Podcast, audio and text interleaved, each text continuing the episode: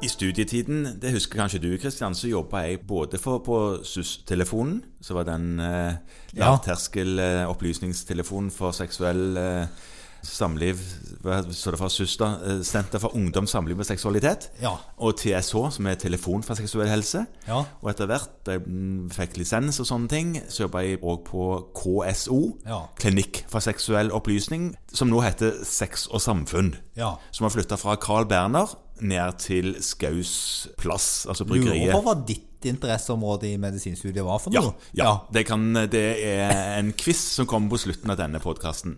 Men det var ikke så ofte jeg la inn pasienter da jeg jobba på den klinikken. Nei, Nei. det ser jeg for meg. Ja, Nei. men det skjedde. Og den pasienten jeg la inn, det var de med første gangs utbrudd av genital herpes. ja, for det var, var Det det var, var- det livstruende? Nei, det tror jeg ikke det var, men det var så fantastisk vondt og ga såpass store kroppslige symptom. Ja. De var rett og slett så dårlige Ja. at de klarte ikke noen ting. Nei. Så du måtte liksom bare sause de inn med sånn uh, xylokain-gel Ja. og få de rett og slett på sykehuset. De hadde lymfeknuter herfra til evigheten, og de, de var ordentlig kleine. Ja. Ja, Så de måtte bare ligge der og bli tatt hånd om. ja det Ja. hørtes jo ikke noe hyggelig ut. Nei. Og heldigvis er det jo sånn at neste gangs utbrudd er mindre dramatisk. Ja, det, det er heldigvis vanlig. Ja, og noen ganger så kommer ikke neste utbrudd i det hele tatt. Nei. Det blir med det ene. Ja. Men for noen så er det sånn at eh, de er plaga ganske hyppig med ikke så veldig vonde, men plagsomme utbrudd av herpes. Ja, Både genitalt og på leppene, egentlig. ja, ja, både, Altså det, begge deler kan være kjempeplagsomt og Ja. supervondt. Ja. Og, ja. Men dette er veldig vanlig å ha herpes, og veldig uvanlig å ha utbrudd. Men noen har det altså ganske hyppig. Mm. Og noen er vant til å bruke salver, noen bruker tabletter når de har utbrudd, og noen Ja. bruker det så ofte at de lurer på dette er en utgiftspost for meg, kan jeg få det på blå resept? ja, for de, de tablettene er ganske dyre, egentlig. Ja visst er de det. Ja Ja. ja, de er det. Ja, Og det koster noen hundrelapper hver gang. Ja, Og så er det, det spørsmålet om en kan få det på refusjon, er jo forståelig. Ja. Og hvor ofte søker man om det? Kanskje for sjelden.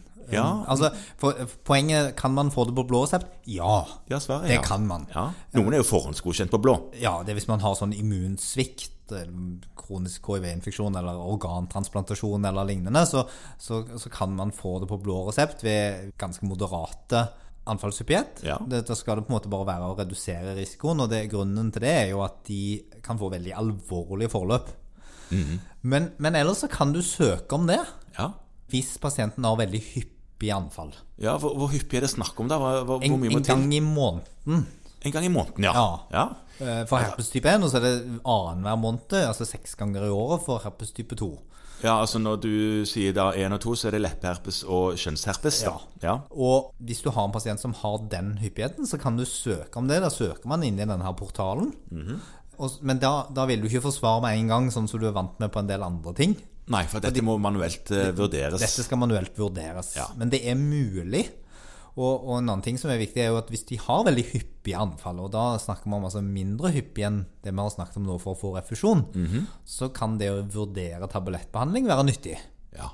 Fordi noen av disse pasientene har veldig god nytte av det, og de har gjerne en pakke liggende hjemme. Ja. Og når de kjenner at nå begynner det, så tar de tabletter kort, kort kur, og stopper anfallet. Ja, De kuperer det rett og slett i prodromalfasen hvis Ja. de er tidlige nok. Ja. Ja. Øh, Og de som på en måte har dette seks ganger eller tolv ganger i året, de, de kjenner det jo igjen. Ja, de blir vant med det, kan du si. Ja. Eh, og mitt inntrykk er vel at kanskje man burde søke litt oftere på dette.